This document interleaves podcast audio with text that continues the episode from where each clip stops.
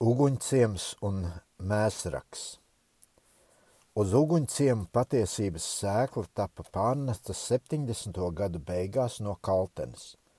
Baptistus šajā apgabalā līdz tam saukuši par jaunticībniekiem. Pirmo, pirmo reizi jaunticībnieki skaitā trīs ieradušies uguņciemā 1878. gadā no Kaltenēm un garēju mājās noturējuši dievvvārdus. Šo atnācēju vārdi bijuši Jānis Štāls, Jānis Kirsteins un Jānis Liepiņš. Sapulces vadītājs bija Štāls. Viņš runājis par pazudušo dēlu un aprādījis, ka visa cilvēce Dievu priekšā ir arī pazudušais dēls. Runa beigusies ar uzskubinājumu atgriezties. Lielākā daļa no klausītājiem bijuši ļoti labprātīgi un uzaicinājuši atnācējus vēl kādu reizi atnākt. Bijuši gan arī tādi, kas runātāju zaimie, zaimojuši, to saugdam par viltīgo pravieti. Dažiem ļaudīm uguņciemā bijušas savādas bailes no jaunticībniekiem, jo ļaudis runājuši, ka ja jaunticībniekam kāds pasakot savu vārdu, tad tādam vairs nesot spēka tiem pretī turēties, un tam jāpieņemot svešā ticība, vai gribot vai nē. Vissirdīgākais cīnītājs ar jaunticībniekiem bijis Miķelis Blumbergs, bet reiz sarunā ar Kirsteinu tas no pēdējā jautāts pēc savu vārdu. Dzirdiet, dzirdot šādu jautājienu, Blumbergam palicis ļoti bail un tas savu vārdu noklusējis. Bailes Blumbergam tikai tad pārgājušas, kad Kirsteins izskaidrojis, ka grib ar to sarakstīties un tāpēc apjautājies pēc viņa vārda. Tomēr patiesības sēkla bija arī iekritusi Blumbergas sirdī. Vairākas reizes viņš gājis pie mācītāja sarunāties par dažādām svētu, svēto rakstu vietām, kuras jaunticībnieki izskaidrojuši citādāki nekā mācītājs. Kad Blumbergs vietām runājas mācītājam pretī, pēdējais sacīs: Miku, nemāci mani, Es esmu vecāks. Kad mācītājs beidzot redzējis, ka pie Blumberga nekas nav panākams, tas tam teicis: Miku, mums jāšķiras. Tevi atgriezt nevaru, un mani arī tu neatgriezīsi. Tiklīdz mācītājs bija dabūjis zināt, ka uguņciemā bijuši baptisti, tas no kanceles lūdzas, lai sargājas no viņiem un lai tos neuzņem, jo tie esot vīri avju drēbēs. Daudzi no tiem, kas uzlūguši baptistus, vēl kādu reizi atnākt no mācītāja sabaidīti, vairs nav uzdrošinājušies tos uzņemt. Tā tas gājis veselu gadu, līdz kamēr kūlu māju saimnieks baptistiem 1879. gadā atvēlējis savās mājās noturēt sapulces. No tā laika sākot, tad arī sapulces uguņciemā nav apstājušās. Pirmie kuri nāca pie patiesības atzīšanas, bija Indriķis Birkenbergs, Jansons, Toms Krāģis un Miķelis Blumbergs.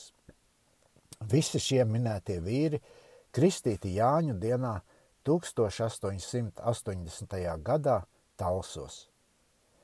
Kad mācītājiem nācis zināms, ka Blumbergs un daži citi kristīti, tas ļoti par tiem žēlojies un sacīs – kur tas sātans gudrs, viņš man tos labos vien noņem.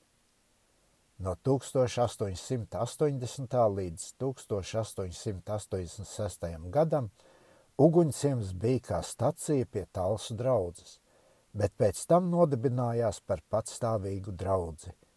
Pirmā sapulces vieta bija kūlu mājās, sākot no 1879. gada līdz 1892. Ar laiku telpas kūlos draudzēji pieaugot, palika par mazām un draudzes sāka krāt naudu priekš īpaša lūkšanas nama būves. 1892. gada pavasarī sāka strādāt pie lūkšanas nama būves, kuru cēla uz kūlu saimnieka dāvināta zemes gabala. Darbs veicies ātri, un rudenim iestājoties ēka bijusi gatava. Pie būves ņēmis dalību gan arī viss ciems, pabalstīdams darbu gan ar naudu, gan ar materiālu, gan ar darba spēku. Uz lūkšanas nama atklāšanu 27. septembrī bijis ieradies Ventspils sludinātājs Eidemans līdz ar savas draudzes dziedātājiem. Šiem svētku viesiem bija nācies ratiem mērīt 108 verstis garo ceļu. Gadus divus pēc lūkšanas nama būves draudze uzaicināja sev par strādnieku talsu draudzes priekšnieku Matisonu, kurš uguņciema draudzi apkopa līdz 1894. gadam. Pēc Matisona draudzes vadīšanu uzņēmies Užavas draudzes priekšnieks Andrejs Širmelis, kurš draudzē kalpoja līdz, tu, līdz pat 1906. gadam. 80. gadu beigās ugunsciema draudze nodibinājusi savā kaimiņu ciemā Mēsragā, Mērsragā staciju, kur turējās pie uguņciema līdz 1907. gadam. Minētā gadā mēsradznieki sev lika apstiprināt īpašu sapulci ķulmju mājās, un no tā laika kārto paši savas darīšanas dziedātāju kori dibināja Uguņciemā Kaltenes draudzes kora vadonis Jansons 1883. gadā. Pirmo svētdienu piedalījušies ap 40 dziedātāju, bet vēlāk viņu skaits mazinājies, jo daudzi dziedātāji tikuši no saviem vecākiem aizturēti. No 1885. gada kora vadīšanu uzņēmies Morgensterns – un to turpinājis veselus 25 gadus līdz 1910. gadam. Svētdienas skola Uguņciema draudzē iesākta no Miķeļa Blumberga 1887. gadā, kurš to turpinājis līdz 1890. gadam, bet tad slimības spiests atkāpies. Pēc Blumbergas svētdienas skolas vadīšanu uzņēmies Morgensterns – un, ar, un to ar dažiem palīgiem turpina vēl tagad. 1895. gadā nodibināta Zaru skola Upesgrīvē un gadu vēlāk Valgalciemā, kuras abas pastāv vēl tagad. Darbs jauniešu starpā sācies līdz ar sapulces būvi – kad daži jauni ļaudis un dažas vecākas māsas sarunājušās iet kopā strādāt rokdarbus, lai par darbiem ieņemto naudu izlietotu lūkšanas nama būves vajadzībām. Jauniem ļaudīm nav bijusi nekāda izvēlēta priekšniecība. Kopīgais darbs un tā mērķis tos pulcinājuši un saturējuši kopā. Ar laiku šis darbinieku pulciņš dabūjis jauniešu biedrības iekārtu. Puraciema draudze. Runājot par draudzēm Kurzemes jūrmalā, vēl jāpiemina Puraciema draudze, kuras locekļi dzīvo divi ciemos – Pura un Apšu ciemā. Abi šie ciemi atrodas Rīgas jūras līča malā, dažas desmit verstis atstatu no Rīgas. Uz Pura ciemu un Apšu ciemu baptistu atzīšana pārnākusi no Ventspils – Puraciemnieki, kā jau zvejnieki un jūrnieki, bieži vien apmeklējuši kurzemes ostas pilsētas un to starpā arī Ventspili, kur tiem it nejauši gadījies ieiet baptistu lūkšanas namā un tur noklausīties toreizējā Ventspils draudzes sludinātāja Neibuka sprediķi. Dzirdētais vārds tos pamudinājis piegriezt vērību Dievu vārdam un tajā meklēt to, pēc kā slāps dvēselē. Pirmie no puraciemniekiem, kas caur kristību piedalījušies pie draudzes, bija Jānis Tuņa, Miķelis Vāka un Jēkabs Klapkāns. Šie trīs vīri pēc savas kristības sanākuši uz kopīgām sapulcēm Daņu mājās. Kad iznākusi pavēle, ka baptistu sapulces var noturēt vienīgi apstiprinātās vietās, Tad arī puraciemnieki lūdza valdību tiem apstiprināt sapulcēšanās vietu jau pieminētajās mājās. Pirms iznākusi atvēle, Tukuma pilskungs guberņas valdes uzdevumā atbraucis purciemā apskatīt baptistus un teicis, ka tie esot labi ļaudis. 1883. gadā pura ciemnieki uzcēluši apšu ciema robežās sev lūkšanas namu. Sākumā pura ciems bijis kā stacija pie Rīgas draudzes, bet vēlāk palicis par sevi. Starp sludinātājiem, kas strādājuši pura ciemā, pieminami Eidemans, Krūmiņš, Frejs, kas apkopis puraciemu, būdams Dinamindas draudzes vadītājs, un Jansons. Pēdējā laikā puraciemnieki kopjas paši, un pa daļai arī to kopti no tukuma draudzes. Draudzes locekļu skaits puraciemā ir ap 40. Talsu draudze. Talsu draudzes iesākums meklējams Pūņu ciemā. Uz šejieni evaņģēlijas sēkla pārnesta no Vīdelas ciema jau 1873. gadā. Pirmā dvēsele no ciema iedzīvotājiem, pie kā evaņģēlijas atradis ieju, bija kuļu māju saimniece Katrīna Cīrula, kura 1873. gadā decembrī no Jankovska Dundagas jūrmalā Melsilā kristīta. Pēc viena gada šai sekoja viņas māsa Trīne, līdz ar vēl kādu māli Friedenberg. Un vēl pēc gada caur kristību pie draudzes piedalījies pats kuļu māju saimnieks, saimnieks Kristaps Petersons. Pateicoties šī brāļa sirsnībai un misijas garam, Viņa mājās kuļļos nodibinājās patstāvīgas sapulces, par kurām gādāja Vīdeles draudzīte. Tā Vīdelē drīz vien radās stacija pūņos. Pirmos gadus šai draudzītei kalpojas mācītājs Hermansons un Neibuks. Viņu darbs svētījies. Dažu gadu laikā kristīti ap 20 locekļu. Līdz ar draudzītas pieaugšanu tā sākusi rūpēties arī par misionu citās vietās, pabalstīdama divi brāļus, Grīnfeldu un Anševicu, katru ar 25 rubļiem par ziemu, lai tie strādātu evaņģēlīju darbā nogalē un kaltenē. Ar laiku draudzītei radās arī locekļi talsos, kādēļ izrādījās par derīgāku no pūņiem sapulces vietu pārcelt uz pilsētu. 1880. gada vasarā Petersons salīdzis pilsētas centrā sapulces telpas, un tai pašā gadā, 12. jūnijā, draudze pirmo reizi pulcējās savās īrētās telpās pilsētā. Līdz ar pārcelšanos uz pilsētu, draudzē radās arī vajadzība pēc pastāvīga sludinātāja. Uz tālsu draudzītas lūguma – Hermansons iz Vīdales uzņēmies sludinātāja pienākumus talsos, bet tā kā draudzītais sludinātāja uzturēšana drīz vien izrādīsies pāri spēkiem, tad Hermansons atradis par labāku pārcelties uz Novgorodas draudzēm.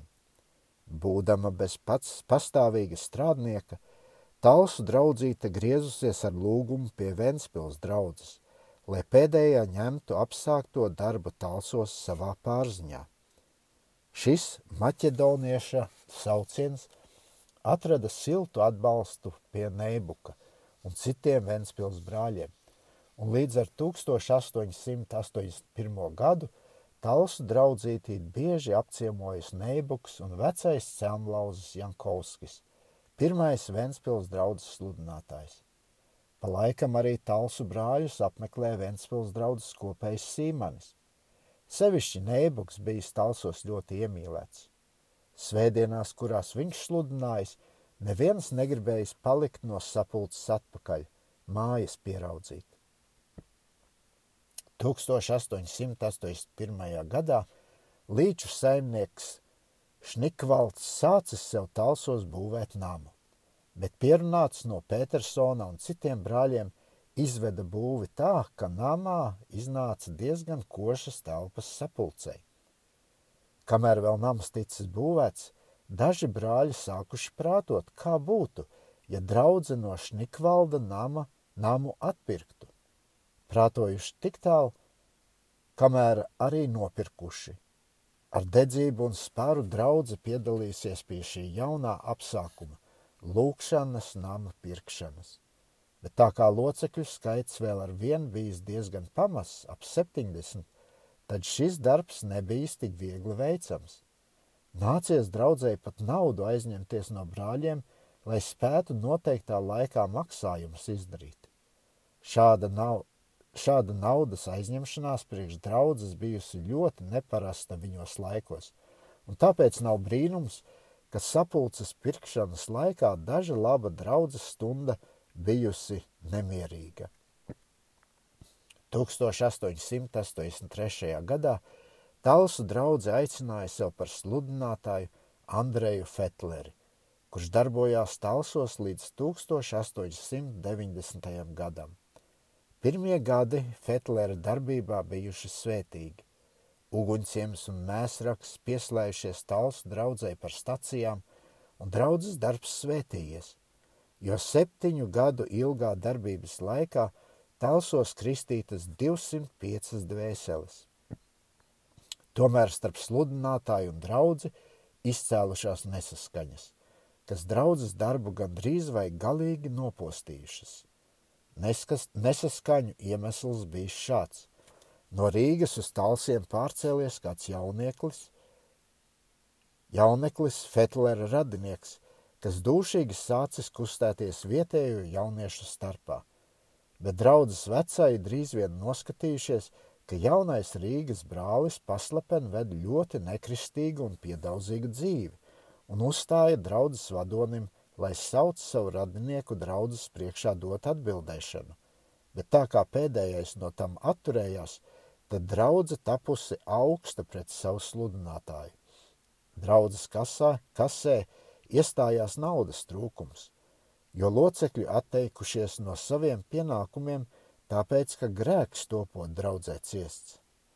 Draudzes stundas tapušas ar vienu, jo nepanesamākas – un līdz ar to draudzes priekšnieka stāvoklis ar vien jo grūtāks. Līdz beidzot Fetlers 1890. gadā atstāja Talsu draudzi. Pēc Fetlera aiziešanas par draudzes vadoni tiek apstiprināts Grintals, nelaiķa dzēnieka Grintāla tēva brālis. Pēdējam bijis daudz jāpūlas un pašam saviem līdzekļiem jāpiedalās, lai draudzes nokavētos maksājumus vēl pie laika varētu nolīdzināt. Grintāla laikā draudze saņēmusi bieži apmeklējumus no citurienes, jo Grintāls pats nav sludinājis, bet tikai kārtojis draudzes darīšanas un dalījis draudzēji svēto vakariņu. Burzas un trači nokausējuši draudzi tā, ka iestājies draudzē nogurums un atslābums. Šajā atslābuma laikā – Talsu draudzīti apmeklējis kāds kalsns, nogavējies vīriņš, brālis auziņš no piltenes, un dažas svētdienas draudzēji pakalpojis. Satiekoties ar auziņu, kurš jau tanī laikā bija sācis mācīt savu svētīšanās un pilnības mācību, draudzes locekļi tam stāstījuši par draudzes iekšējiem nemieriem ar savu agrāko sludinātāju, kā arī par draudzes kasas tagadējo grūto stāvokli. Šis pilnības mācītājs likās atradis savai mācībai labu zemi. Vientiesīgiem locekļiem tas izskaidroja, visa nelaime esot iekš tam, ka draudzēs ir apstiprināti mācītāji, kuri brīžam uzmetas draudzē par kungiem un vairs nepadodas tās gribai. Pie tam tāda mācītāja kārta ir, ir pretbībelīga, jo dievvvārds māca, ka it visi ticīgajie esot ķēniņu priesterība un tā tālāk. Arī īpašas sapulces vietas nav vajadzīgas, jo Dievs nedzīvojot rokām taisītos namos. Sapulces var noturēt pa mājām, drīz pie viena, drīz pie otra. Lūkšanas nami uzveļ tikai draudzēji parādus un noslāpē tā kunga garu, kurš tagad pilnīgi izbeidzis darboties draudzē. Ja draudze atteiksies no īpašiem priekšniekiem un sapulces namiem, klausīs tā gara mājieniem, tad arī draudzēji ies līdzi tās brīnuma zīmes, kas bija pirmai apustuļu draudzēji. Šīs mācības iznākums bija tas, ka 60 locekļi, to starpā arī brālis Grintāls, atstājušies no draudzes un dzīvojuši pēc audziņa mācības. Draudzes nenomaldījusies daļa, kura par savu sludinātāju bija uzaicinājusi Matisonu, atradusies grūtos un spiedīgos apstākļos, jo tai vienai bijis jātiek galā ar lūkšanas namu parādiem. Tomēr pateicoties Matisona pašaizliedzīgai kalpošanai, kas sākumā kalpojas draudzē bez noteiktas algas, saņemdams dažu gadu tikpat daudz kā nekā, draudze Matisona darbības laikā izlīdzināja parādus. Tā kā Matisonam talsus atstājot, draudzē bija skaidrs īpašums 2000 rubļu vērtībā. Liela pakalpojuma draudzes materiālo apstākļu uzlabošanas ziņā draudzēji parādījis nelaiķis Friedenbergs – kas ar apmēram 500 rubļiem nāca draudzē palīgā, ka tā varēja savu lūkšanas namu pārbūvēt. Matisons 1900. gada, gadā decembrī atstāja talsu draudzi pāriedams uz aizputi. Pēc Matisona uz talsu draudzi pārnāca Ventspils sludinātājs Eidemans. Viņa darbības laiks bija draudzes iekšējās uzplaukšanas laiks. Eidemanim 1905. gadā, pārceļoties uz Pitragu, Talsu draudzes vadīšanu uzņēmās Ziemelis. Tagad jubilejas gadā Talsu draudzes skaita ap 150 locekļiem. Slēdzot aprakstu par draudzēm Lejas kurzemē, vēl jāatzīmē Sabiles un Tukuma draudzītes. Pirmā no šīm vietām draudzes darbība sākta ap 1904. gadu no kolportiera grāmatu pārdevējs, kas tās iznēsā pa mājām, Intenberga, kurš vēl tagad ir sabiles ticīgajo pulciņa vadonis. Tukumā mūsu draudzes misione jau piekopta līdz ar 90. gadu sākuma no Fetlera, kurš no talsiem pārcēlās uz Tukumu.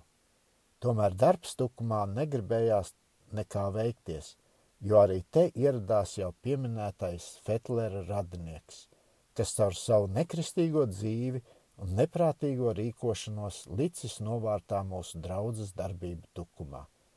Jo spirgtāka dzīvība tukuma, ticīgajo pulciņā iestājusies līdz ar lakstīgala nomešanos tukumā uz dzīvi.